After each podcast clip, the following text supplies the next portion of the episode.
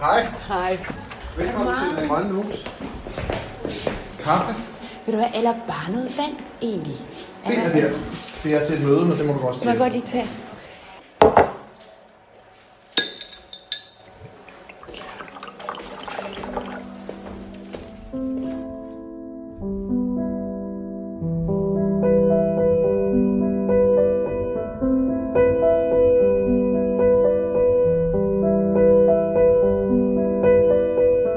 Forbrug, vores velstand betyder bare, at vi har et enormt klimaaftryk. Hvordan tør vi tage den samtale med hinanden, som ikke skal øh, øh, handle om, at vi sætter os hen i en sort hule og har et, et dårligt liv, men som handler om, hvordan kan vi tage nogle bevidste valg i hverdagen, som gør det godt.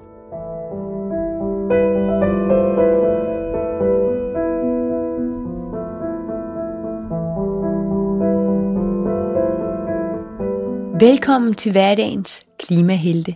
En podcastserie, hvor jeg møder dem derude, der er helte, fordi de rent faktisk handler på de udfordringer, vi skal have klimaløst.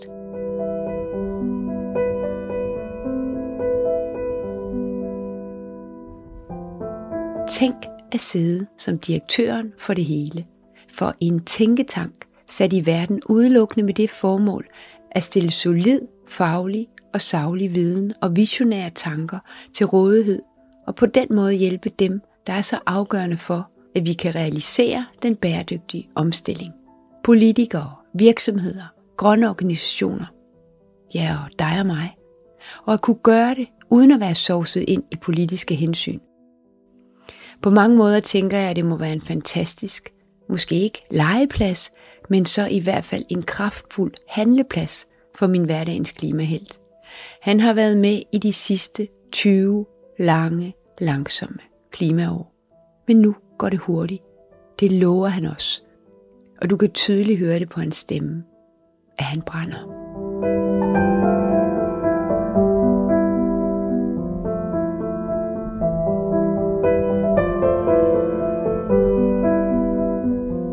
Jeg er kommet ind til Concito i midten af København. Tænketanken, der lige nu tæller 55 medarbejdere, deler hus med fem andre klimavenlige organisationer. Har lavt til loftet, og der er fritliggende bjælker og indrettet med genbrugsmøbler. Vi har sat os ved et højt, rundt bord over i hjørnet. Mit udgangspunkt for at sidde hos dig i dag er jo, at jeg som formidler oplever, at Concito bliver mere og mere synlige. Men øhm, samtidig oplever jeg også, at der er rigtig mange danskere, der ikke ved, hvem I er. Og øhm, så samtidig, Christian, har jeg hørt og set dig i flere sammenhæng, blandt andet på Klimafolkemødet, hvor jeg jo synes, at du fremstår meget som et menneske, at du er sådan oprigtig, og det er også det, der betyder meget for mig. Derfor tror jeg også på det, du repræsenterer. Og øhm, det er derfor, jeg sidder hos dig i dag, for at finde ud af, hvem, øh, hvem mennesket er, men også, hvad det er, du bruger dit faglige liv på. Jamen altså, mennesket er jo Christian Ibsen, og jeg er de 50 år og har arbejdet med klima i 20 år, og er voldsomt engageret i det. Jeg er egentlig økonom, men, øh, men interesserer mig altid meget tidligt for sådan noget med, øh, dengang var det Red Regnskoven, og hvordan er det, vi prisfastsætter vores værdi, vores øh, miljøgoder, altså de her ting omkring, hvorfor betyder naturens øh, tab ikke noget for vores valg ind i det økonomiske maskinrum, men blev så hurtigt klima, og det har været i mange år, øhm, og har arbejdet i øh, ministerier, arbejdet for FN, EU og andre steder, og prøvet at redde verden ved COP15 i København, øhm, været ude og arbejde i en kommune for at se grøn omstilling tæt på, øh, som plan- og klimachef, og fik så den øh, mulighed at blive direktør i en tænketank. Og øh, jeg kan godt forstå, hvis folk tænker, hvad er en tænketank så? Det er jo noget, vi ikke arbejder ret meget med i Danmark. I hvert fald hører man det sådan lidt om, alt muligt kan være en tænketank. Men ude i verden er tænketank jo en, øh, en helt naturlig organisering af, af viden. Et sted, hvor der bliver skabt viden, og det bliver bragt i spil for at gøre en forskel. Det er ikke en grøn interesseorganisation. Vi har ikke øh, på den måde et øh, aktivistisk, på den måde vi kommer ud og har en masse medlemmer ude i befolkningen og gør. Vi er en relevant videnspartner for alle aktører, politikere, medier, øh, industrien, øh, grønne organisationer og alt muligt andet. Prøver vi at være en relevant videnspartner for, for at bringe klimaviden ind til at gøre en forskel og rykke hurtigt nok videre til en ambitiøs grøn omstilling. Så det prøver vi at skabe en ramme om, og vi er så heldige, at vi er ikke finansieret af den ene eller den anden side af det politiske spektrum, eller andet. Vi er filantropisk finansieret, det vil sige, at vi er fuldstændig uafhængige af enhver økonomisk interesse. Vi har nogle medlemmer her, men de betaler meget, meget lidt, og har intet at skulle sige i forhold til, hvad vi må sige. Så på den måde det er jo et helt unikt sted, men vi skal også være sikre på, at vores rolle er at spille andre gode politikere, virksomheder, øh, medier, bringe viden ordentligt ud til befolkningen, hvis vi optræder i medier med et eneste formål er at drive klimaomstilling hurtigt nok. Du røg meget hurtigt videre til direktøren, øh, Christian. Som menneske, nu siger du, du har arbejdet med det her i 20 år. Var der noget for dig, fordi det er jo rigtig lang tid, og rigtig lang tid før rigtig, rigtig mange andre. Var der et punkt for dig, var der et tidspunkt, hvor du tænkte, jeg er nødt til at bruge mit liv på det her? sådan nogle ting kommer lidt tilfældigt. Jeg arbejdede med miljøpolitik i, øh, i det, der var Miljøministeriet dengang, øh, faktisk med miljøprojekter i Rusland, som handlede om vandforurening og sådan noget. Og kom så ind under danske formandskab i, i det her klima, og, øh, og, og, og hvor det så pludselig går op for en, at vi står for så stor en udfordring. Jeg havde, der var underskrevet klimakonventionen, og der er andre ting, men det var stadig noget, man snakkede om ude i fremtiden, at der kom noget med klimaforandringer. Det betød rigtig meget øh, at det var en stor dagsorden. Svend Augen var begyndt at virkelig røre på sig der og sådan noget. Øh, men når man så først kommer ind i det og ser, hvor strukturelt anderledes et samfund den her klimaindsats kalder på, så blev det selvfølgelig noget, som, som også rent øh, fagligt og, og, og også som far til mine børn virkelig er noget, jeg øh, brænder voldsomt for, ligesom jeg gør for mange andre miljøudfordringer, eller andre ting, hvor man skal gøre en positiv forskel for verden man kan ikke sige, at det var noget, at man i min skoletid på universitet eller andet, der hørte, lærte man jo ikke om klima. Det var jo noget, der kom her i starten af nullerne for alvor, og så blev det til en blå versus rød diskussion i mange år. I starten, hvor, de, hvor det ligesom om, der var nogle røde, øh, og Connie Hedegaard, som var på, på pro-klima, og så var der ellers nogle blå, som hele tiden snakkede om, var der nu noget om snakken? Så vi kom fra en verden, hvor klima var noget, er det virkelig menneskeskabt, eller, eller, eller er det bare noget, naturen er skabt? Så vi brugte mange år på at diskutere præmissen, selvom al videnskabelig grundlag jo sagde, det her er menneskeskabt, og det drejer sig om at gøre tingene hurtigt nok, så har vi misset flere årtier på at snakke om det her. Og nu er vi et andet sted, men det har jeg brugt meget af mit liv på at prøve at få alle dele til at forstå, at klimapolitik er grøn. De blå har lige så gode svar på det, som de røde og omvendt. Det er et spørgsmål, hvordan du går til opgaven, men opgaven i sig selv må stå stjerneklart for alle. Hvordan har det været at stå i det der limboland og, og skrige øh, lungerne hæse og føle, at der ikke er nogen øh, resonans? Jamen, der var jo en resonans sådan i, det, i det videnskabelige miljø, men jeg var jo også embedsmand. Så jeg sad jo der med skiftende regeringer, skiftende miljøminister, øh, som i, i skiftende grad synes, det her var en vigtig dagsorden. Det kan være meget frustrerende at være embedsmand i et system, hvor man kan mærke, at, at det, der egentlig er opgaven at arbejde for, det er egentlig ikke prioriteten hos den regering eller den øh, minister, man sidder med. Connie Hedegaard, da hun kom ind på posten, jeg tror det var i 2005, så blev det for alvor en prioritet. Også i, det, i en regering, som ellers diskuterede det indbyrdes, hvor langt de skulle gå. Der, der kunne jeg mærke øh, gnisten ved at være inde i systemet, hvor man pludselig kunne arbejde for noget. Og vi kender alle sammen det der med, at jeg synes, det der giver mening for en, hvis, hvis det ligesom ikke er det organisationen eller det sted, man er ved hen, så kan det blive enormt frustrerende, så bør man jo i princippet skifte hen til et sted, hvor det giver mening for en, lige meget hvad det er i livet, der giver mening så bør man arbejde et sted, hvor man kan være med til at skubbe den dagsorden. Det synes jeg, vi alle sammen har en forpligtelse til. Og det har da også været med øh, til øh, nogle af de jobskift, jeg har været, og tænkt, nu er der ikke længere nok, der vil med på at drive det her hurtigt nok til, at jeg bliver tilfredsstillet på det. Så bliver det for meget administration til mig. Så jeg er måske også drevet af, at jeg gerne vil gøre en forskel, og det mener alle skal, og det skal der være rammer til. Der er det jo heldigt at komme ind i Concito. Jeg er jo gået på gaden, og øh, nu skal vi prøve at høre, hvad en sagde, som jeg mødte når jeg siger Concito, hvad kommer du så til at tænke på? Jeg tænker, at jeg faktisk ikke helt kan placere det, fordi på den ene måde, så tænker jeg på sådan en borgerlig tænketank, som hed noget lignende det.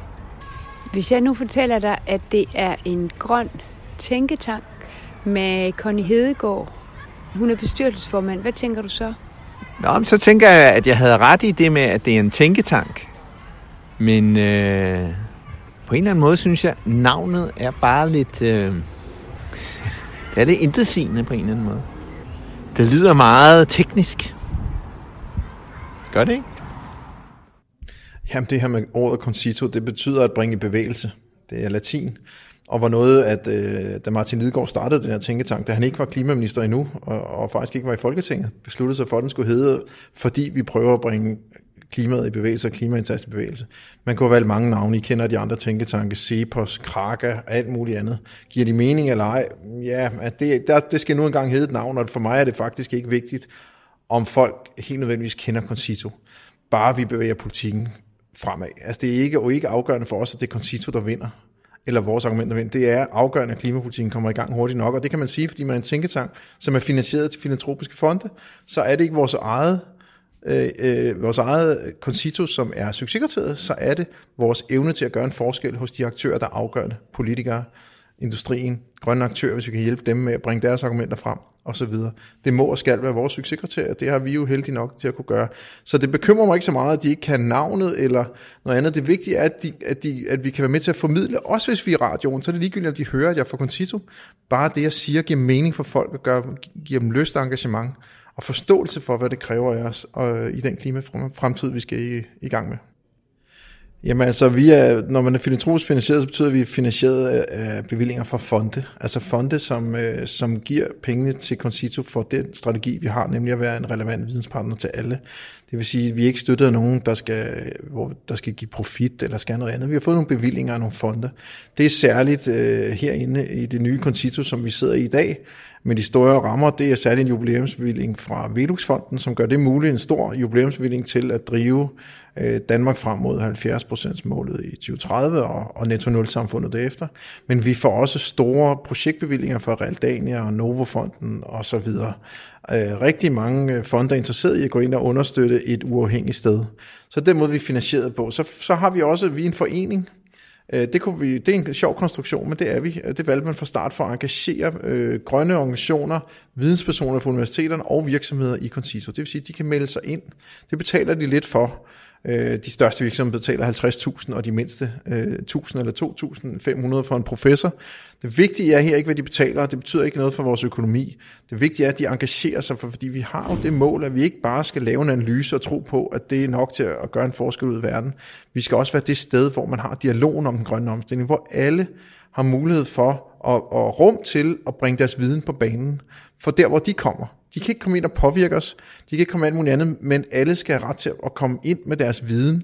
Øh, også i rum, som er helt uformelle, altså som er uden for aviserne og mediernes rækkevidde, og sige, der sidder nogle masse dygtige videnspersoner rundt omkring, som vi gerne vil have med ind om bordet, til at få den bedste viden frem, så vi kan bringe den frem til at gøre en politisk forskel. Vi sidder jo i Læderstræde 20, der er masser af mennesker, der er møde ved siden af, og der er noget frokost derude, så hvis der er nogle lyde, så er det simpelthen fordi, der er, der er gang i huset. Øhm, vil jeg som menig kunne melde mig ind i Concito? Concito er en tænketank, så det er faktisk, man skal have, være en relevant aktør i en grøn omstilling. Det vil sige, at vi har sådan noget som Danmarks Naturfredningsforening, Råd for Grøn Omstilling, hvis vi taler om de grønne organisationer. Vi har, vi har professorer og andre lektorer og andet fra universiteterne, som arbejder med klima, eller vi har virksomheder, som er relevante for den grønne omstilling, der kan være. Så det står i vores formålsparagraf. Så vi er ikke den type organisation, som, som rækker ud mod civilsamfundet. Det, det, det er der faktisk organisationer, der er meget bedre til end os. Nemlig de her grønne organisationer, som er rettet mod at engagere øh, den menige dansker i det. Ja, og det er jo for eksempel grønne nabofællesskaber, som jeg jo også har lavet en episode om, og, øhm, og deltager i Danmark, som vi jo deler hus med. Kan du prøve at fortælle, hvordan øh, I samarbejder med dem for lige at få det på plads? Fordi de tager jo ligesom, de har jo den folkelige forankring. Ja, altså den her jubilæumsbevilling øh, fra for den er jo givet til øh, dels os til at bringe viden i spil som videnspartner. Der er også noget omkring data for Aalborg Universitet, og så er der nogle, nogle, sådan nogle mere målrettede borgerinitiativer, blandt andet Deltager Danmark, som jo er den her organisation, som prøver at øh, mobilisere danskerne til nogle positive klimafællesskaber derude af enhver form ude i hele Danmark, så, så man også har mulighed eller lyst til at engagere sig øh, positivt, så vi ikke kun får nej-siger-effekten, men vi også får en masse positive ting. Grønne nabofællesskaber er et eksempel. Så det er altså deltager Danmark enormt gode til. Og dem understøtter vi så med viden. Det de har brug for der. De er meget bedre til, hvordan mobiliserer, hvordan skaber vi engagement og entusiasme. Vi kan så bringe noget viden i spil og sige, hvordan, hvorfor nogle klimating er de bedste at gøre, og så videre, og så videre. Det samarbejder vi om løbende. Så vi er en del af den samme, det samme projekt, og, øh, og vi har forpligtet hinanden til at samarbejde øh, om de ting, der giver mening.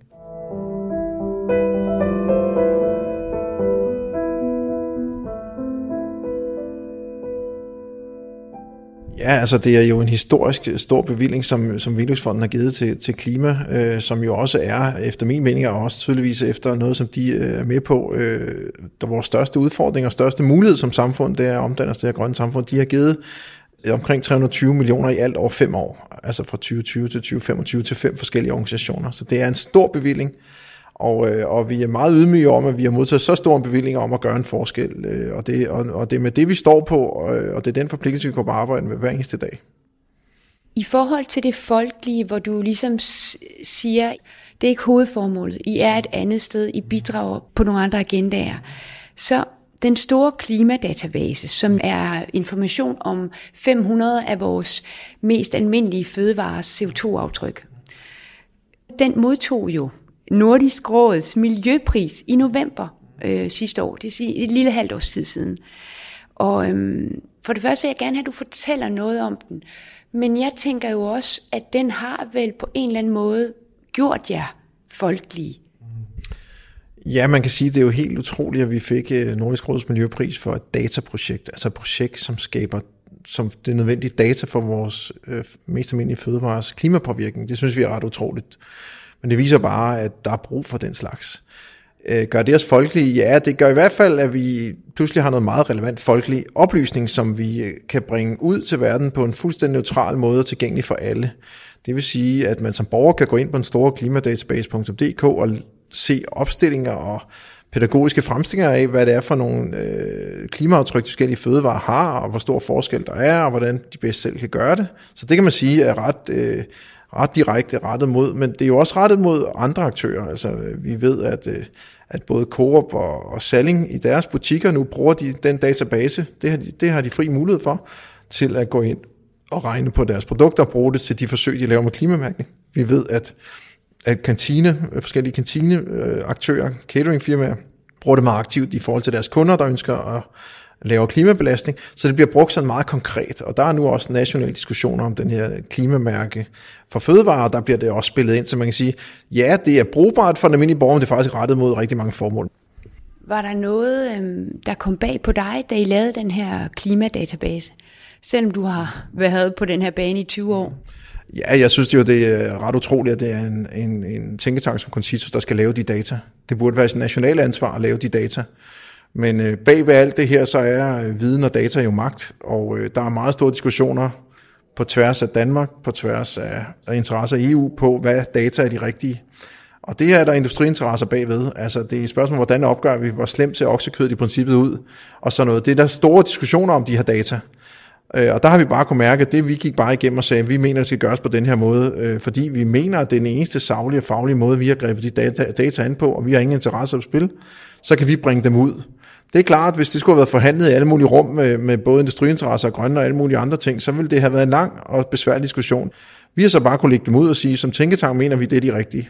Og det har bare givet en enorm effekt. Så jeg er da overrasket over, at staten ikke gør det, men måske er vi også bare der, hvor det er noget af det, man godt kan se nu, at det er noget af statens ansvar er, at de her data, de bliver nødt til at komme ud, så aktørerne kan bruge dem, så man ikke er i tvivl om som person eller som fødevarevirksomhed eller andet, hvor kan jeg gøre den største forskel det, det er der jo mange danskere, der leder efter. Hvad er det egentlig, der betyder noget, det at gøre? Er det de varme bade?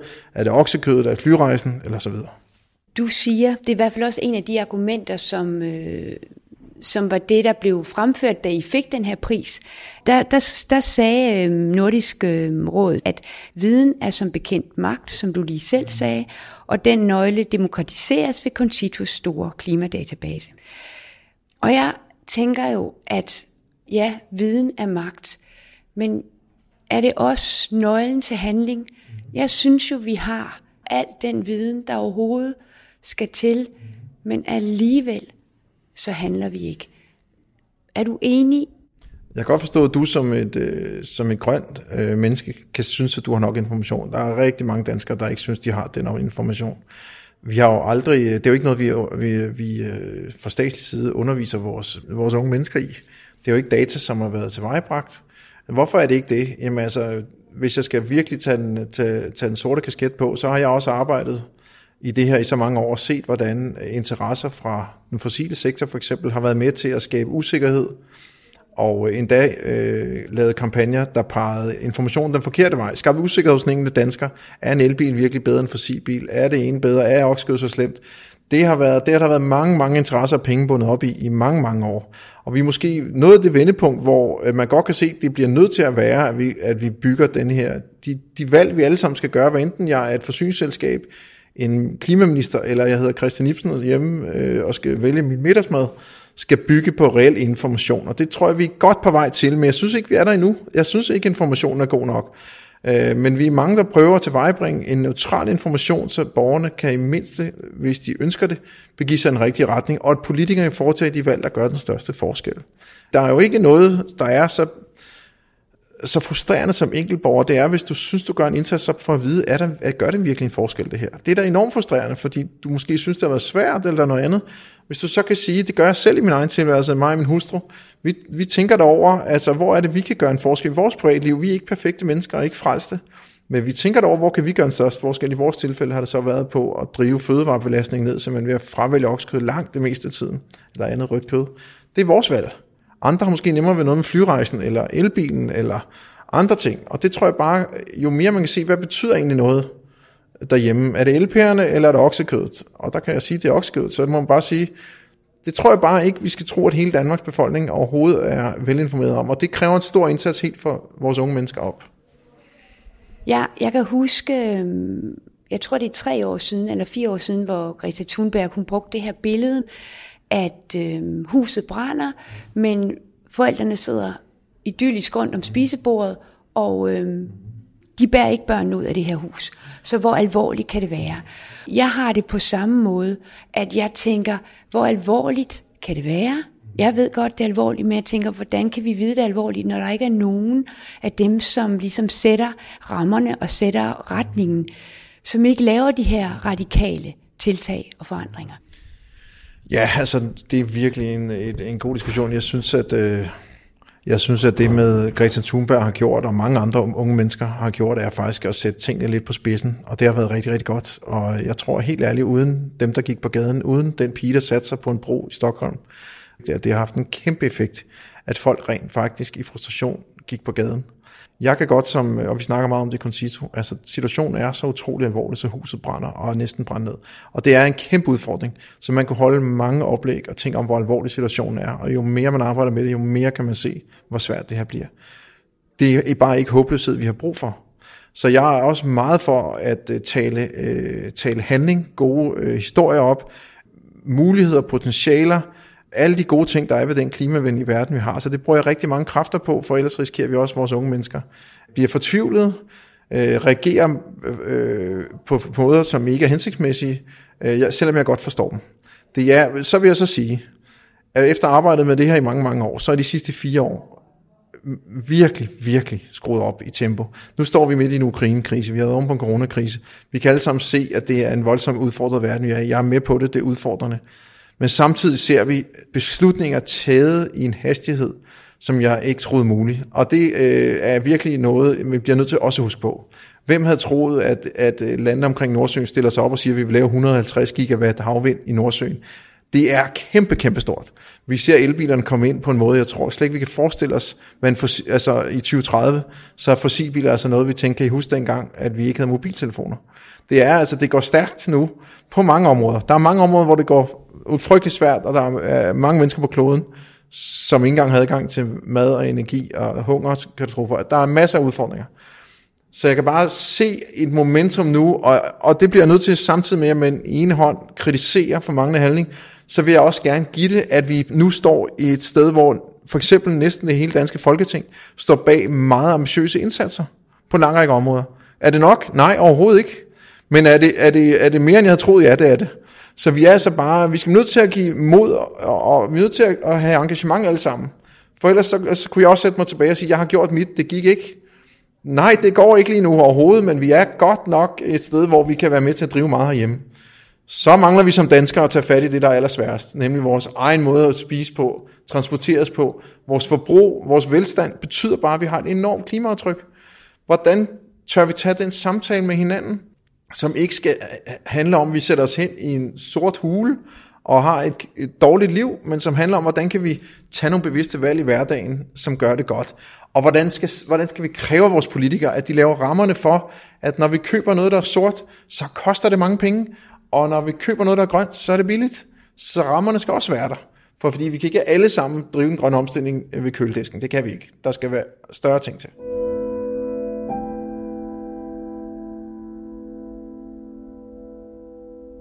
Du er inde på den her øh, konstruktive, gode dialog. Har du nogle input til, hvordan kan vi gøre det?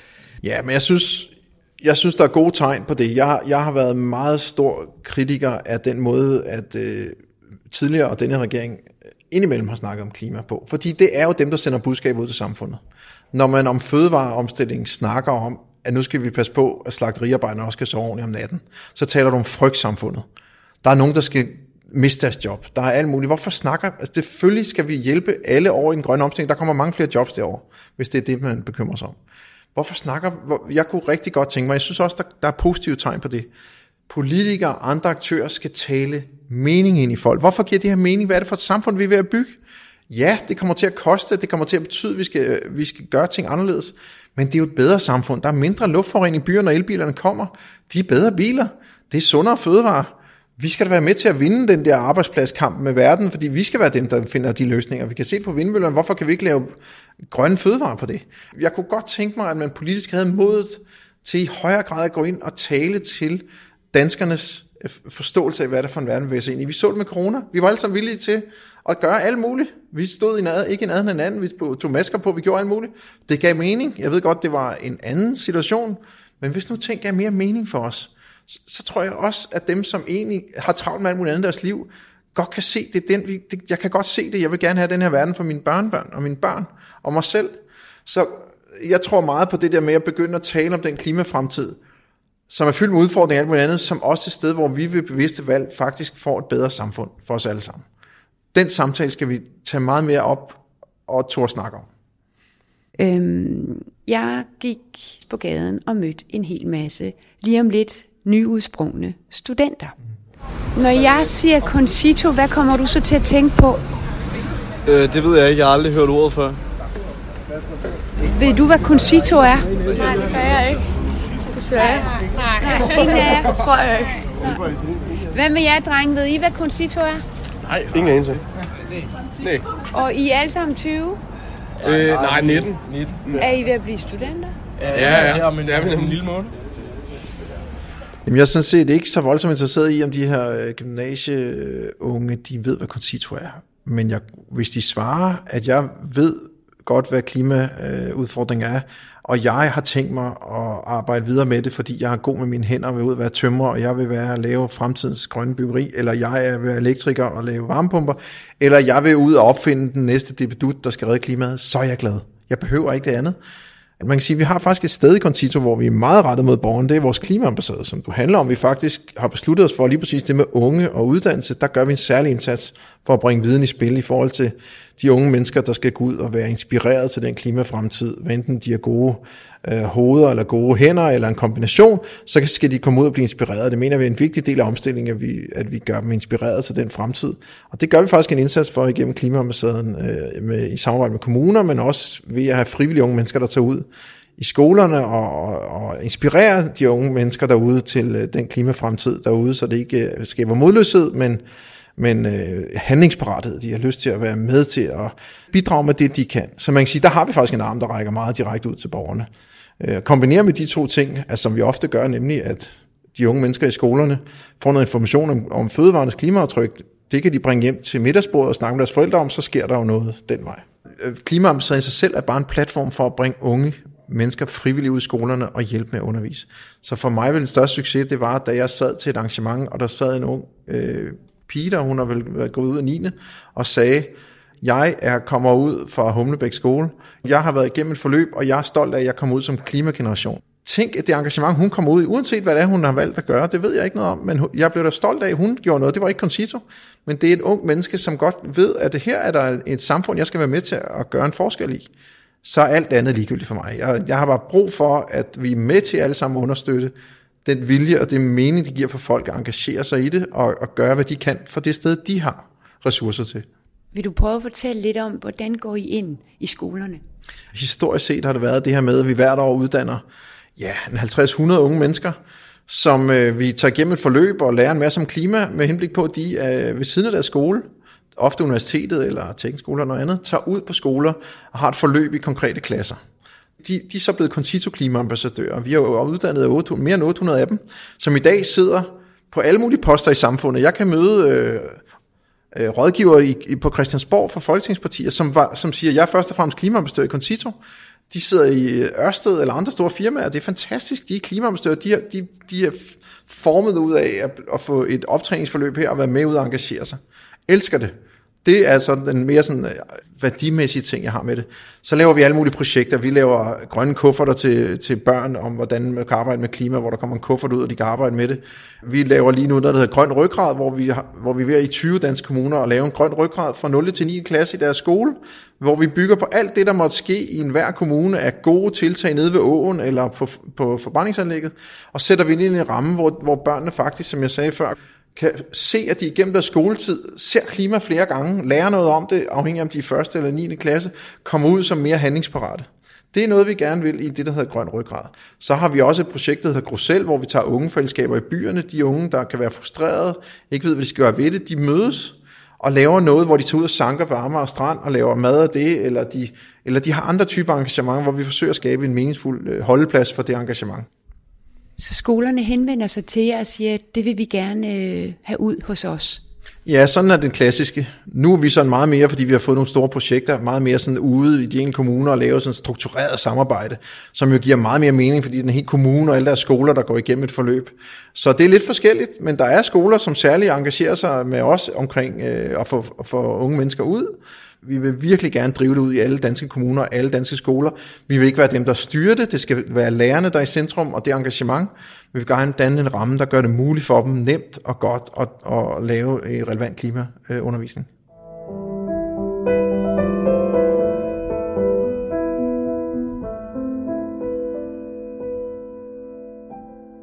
I har jo også et projekt, der hedder Fremtidens Grønne Arbejdsmarked hvor I jo er sammen med forskellige parter og virksomheder. Ja, det er jo det projekt, det her med fremtidens grønne arbejdsmarked og kompetencer, det handler jo netop om en af de ting, som ikke er sådan concito classic. Det vil vel ellers være, at vi arbejder med konkrete temaer som transport og landbrug og så videre.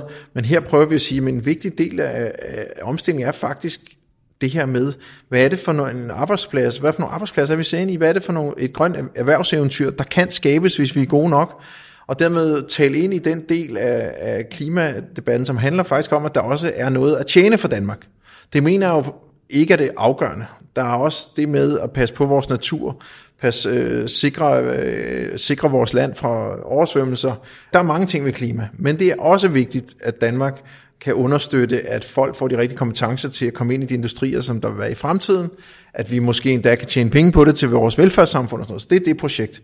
Der har vi så valgt at gå ind sammen med i øvrigt alle fagforeninger, et helt historisk projekt, og nogle store virksomheder og, og aktører, som, som med det formål at sætte lys på det, analysere det og sige, hvad er det for nogle arbejdspladser, vi kigger ind i, hvad er det for en kompetence, der skal til, hvad er det for en barriere, vi møder, for at sætte lys på det, så man politisk kan tage de rigtige beslutninger.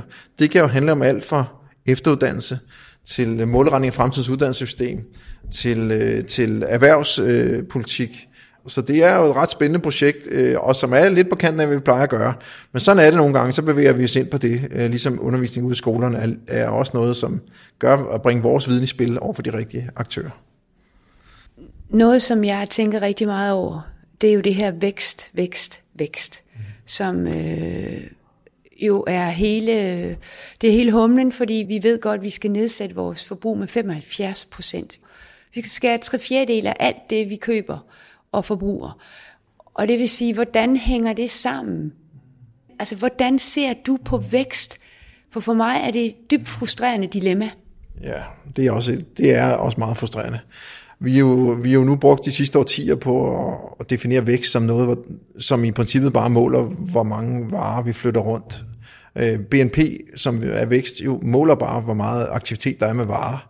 Og det er ved Gud bare en indikator for, hvordan det går for vores samfund. Det er jo det, som min, da jeg startede det hele, var frustreret over, det er, hvorfor er det, at vi ikke måler vores, vores velfærd, vores vækst på, om naturressourcerne er i vækst, om biodiversiteten er i vækst, eller om vores vel, velbefindende er i vækst. Altså, der er mange diskussioner om det, og det er heldigvis meget op i tiden, at vi snakker om at måle vækst meget bredere der kommer et spændende stykke arbejde fra Københavns Universitet, som handler om, om det her med, kan vi måle grøn BNP, altså simpelthen måle på flere parametre, så politikerne ikke bare sidder og siger, vi skal bare have mere BNP. Det kan jo være, at vi ikke skal have flyttet så mange varer rundt. Det kan være, at vi skal forbruge anderledes, mindre eller alt muligt andet. Men jeg synes også, det er en forkert diskussion at snakke om, at vi skal begrænse os hele tiden. Fordi lige snart du siger begrænsning, så er der en stor del af danske folk, der siger, at det skal I ikke bestemme. Jeg har jo ikke nok. Det er nemt for jer at sidde og sige i København. Det synes jeg, vi skal passe på med. Ja, det er rigtigt, vi skal begrænse vores udledninger for de ting, vi køber, med rigtig mange procent i de næste årtier. Men der kan dels være, at vi kan lykkes at lave fødevarer, som er meget, meget grønnere end i dag. Øh, erstatte konen med andre produkter, der kunne være, hvad ved jeg, kunstig kød, eller grønne produkter til alternativer, som gør, at det er meget bedre. Det kan mange føle ikke er en begrænsning. Køre rundt i en elbil, det er vel ikke en begrænsning. Men vi skal måske lade være at bygge så mange veje. Øh, vi skal erstatte øh, kulkraftværker med vindmøller. Vi skal helt sikkert også øh, tage nogle andre valg, købe noget bedre kvalitet, øh, lade være at købe så meget junk, øh, og så videre. Man kan vælge mange ting i sin hverdag. Men det vigtige er at sige, at vi er i stand til det der, og det med vækst skal vi simpelthen komme ud af, og den verden, vi kigger ind i, kræver at vi mere omtanke end den der meget, meget neoliberale væksttankegang, der handler om, alt handler om, om vi flytter varer hurtigt nok fra det ene sted til det andet. Vi må og skal som samfund, og det tror jeg på, at vi gør, når vi sidder i 2050, så tror jeg på, at vi har en meget, meget mere holistisk tilgang til, hvad vækst er, og hvad der velbefindende i samfund er.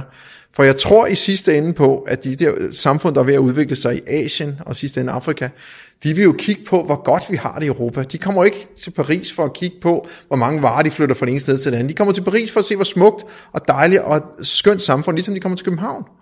Det kommer de, fordi de kan se, at, danskerne, at danskernes samfund på en eller anden måde fungerer. De kan så ikke se, at vi flytter alt for mange varer rundt fra X til B. Det er faktisk ikke det, de kommer og kigger på. Men det er jo de samfund, vi udvikler. Vi er nødt til at tro på, at det vi også skal vise dem, det er, hvordan kan vi have en utrolig stor kvalitet i livet. Øh, omsorg for vores øh, natur. Øh, meget lave udledninger. Stadig gøre at have meget frirum til at tage nogle valg i livet, købe nogle ting, men, men meget bevidste valg om det ene og det andet, på en måde, hvor øh, de har lyst til at følge med. Fordi det er det, det hele drejer sig om. Hvis det bare virker i Danmark, så, virker det, så er det fuldstændig ligegyldigt. Det skal virke i Asien, og i sidste ende i Afrika, for det er der, al, al købekraften kommer i fremtiden. Der er vi bare en lille bitte prut i det hele. Vi bliver nødt til at tro på, at vi kan vise dem både teknologiske løsninger og en livsstil, de har lyst til at efterabe. Altså fremtidsforskerne taler jo om, at vi kun kan klare fremtiden, hvis vi er fælles. Er det også det, du ser? Ja, altså på klimafront er 100% sikkert, at det skal give mening for os alle sammen, og det ikke bliver polariseret, det her. At det er noget, vi bliver stolte af at gøre sammen. Og at vi dermed også er villige til at tage de store kraftspring, det vil kræve som samfund og som enkelte personer, fordi vi kan se, at det giver mening at gøre det sammen. Vel i princippet, hvis man var lidt filosofisk, ligesom da velfærdssamfundet kom. Det var noget, vi gjorde sammen og besluttede os for, at vi ville have et andet type samfund. Og det har vel også været en succes, selvom vi alle sammen kan tænke vores, om hvor udfordret det er, så har det jo stadigvæk langt, langt bedre end i mange dele af verden. Så det skal vi også kunne her. De kraftspring skal vi være i stand til at gøre sammen på en måde, hvor vi holder sammen om, at det er noget, vi gør alle sammen. Øh, jeg er bare, øh, jeg er bare meget, meget optaget af, at øh, nogle ting kræver meget fællesskab, og det skal give mening for den enkelte, og nogle ting kræver enorme politiske beslutninger, som vi alle sammen skal ligesom enten indse er rigtige, eller i hvert fald erkender, at vi er nødt til at følge med på, uanset om det har en pris. For det vil noget af det have. Og det er jo også noget med at forstå, at, altså, at det er ikke et afkald, det er en fremtidssikring. Det er der virkelig behov for. Også selvom der er nogen, der ikke kan se det derude eller noget andet, så viser alle målinger jo, at danskerne er parate til det her. Altså sidst her var to tredjedel af danskerne, følge en måling fra Trykfonden, så vidt jeg husker, sagde jo, at de gerne vil have mange flere vindmøller på land, selvom vi næsten kun hører om vindmøllemodstand. Der er en erkendelse af, at det koster noget også for vores visuelle at få det her til at ske. Jeg tror, det er en enorm vigtig pointe, at man er med på rejsen og skubber bag på de kræfter, politisk eller andre aktører, som ved det her, som skaber den forandring, og man er villig til at, at stemme dem ind, som er villige til at tage de kraftspring og lave de ringe i vandet, man kan, derfra hvor man sidder. Det synes jeg måske er det mest afgørende. Og det ikke er en afkald, afladsdiskussion eller afkald. Vi kan ikke afkald på liv. Vi fremmer det samfund, vi gerne vil hen i hurtigst muligt. Og ja, hvis det koster lidt på den måde, vi måler BNP på, så må det ske. Men det er da helt sikkert til gavn for den klimafremtid, vi kigger ind i, at gøre det hurtigst muligt. Og måske kan vi endda tjene penge på at gøre det undervejs. Du har, øh, du har været øh, omkring det nogle gange, men kan, kan du være endnu mere konkret?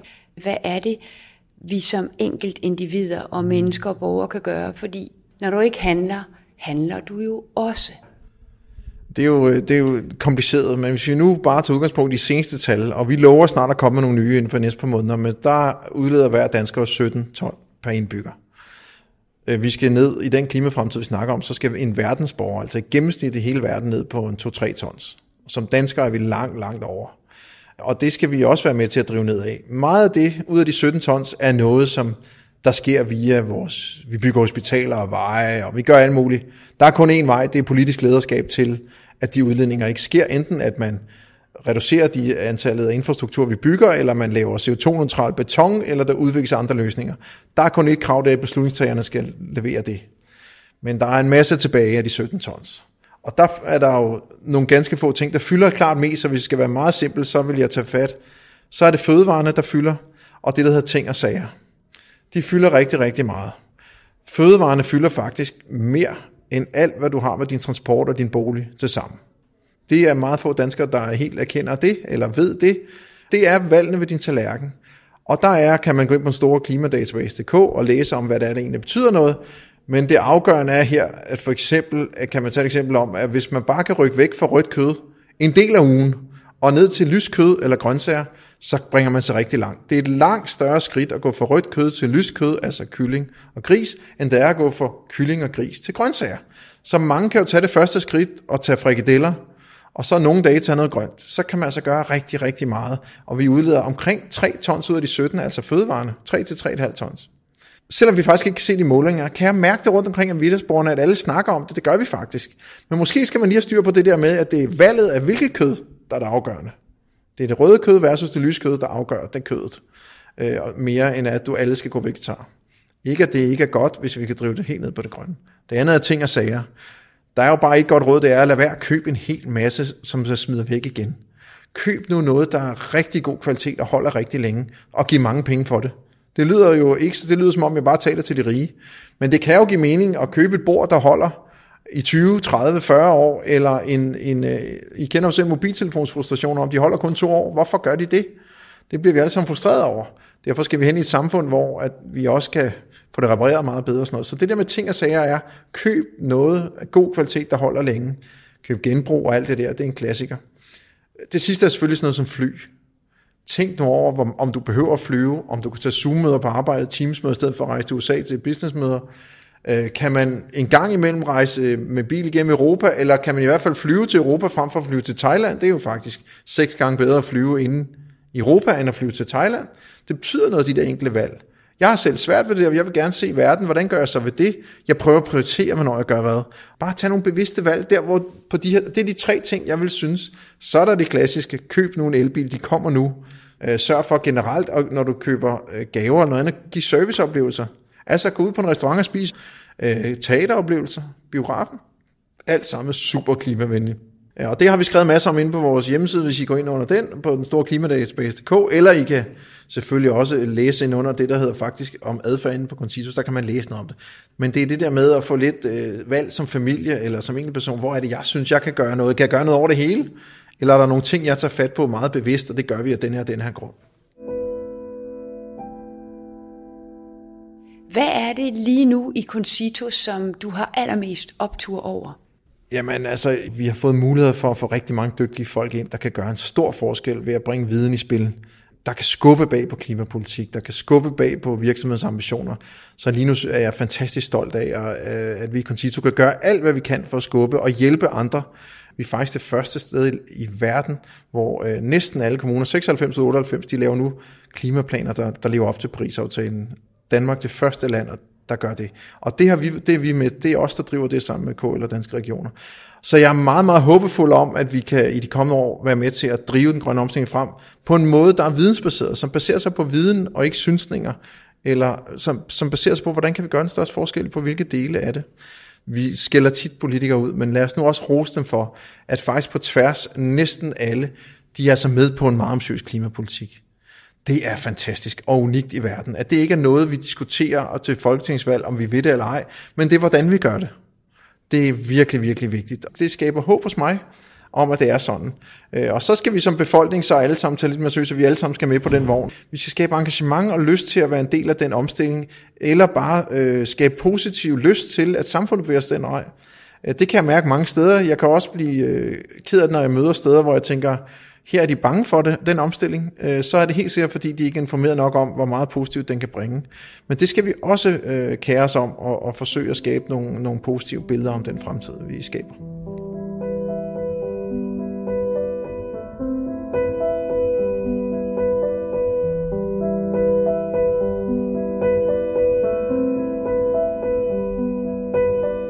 Da jeg havde slukket optageren, kørte mobilen faktisk stadig.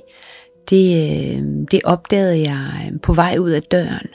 Og, øh, og da jeg lyttede til det, så tænkte jeg, ej, den her lille ekstra bid vil jeg gerne have med.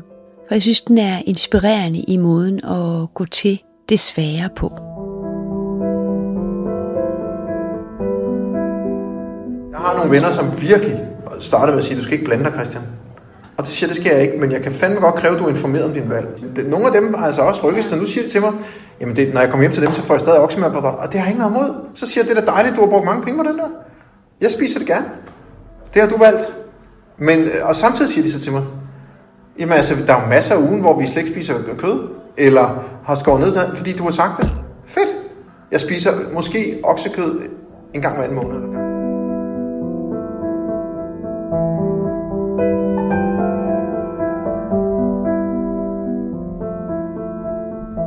Jeg hedder Lene Aarhusen Fosgaard. Jeg er journalist, og jeg skriver og podcaster om mennesker i den grønne omstilling.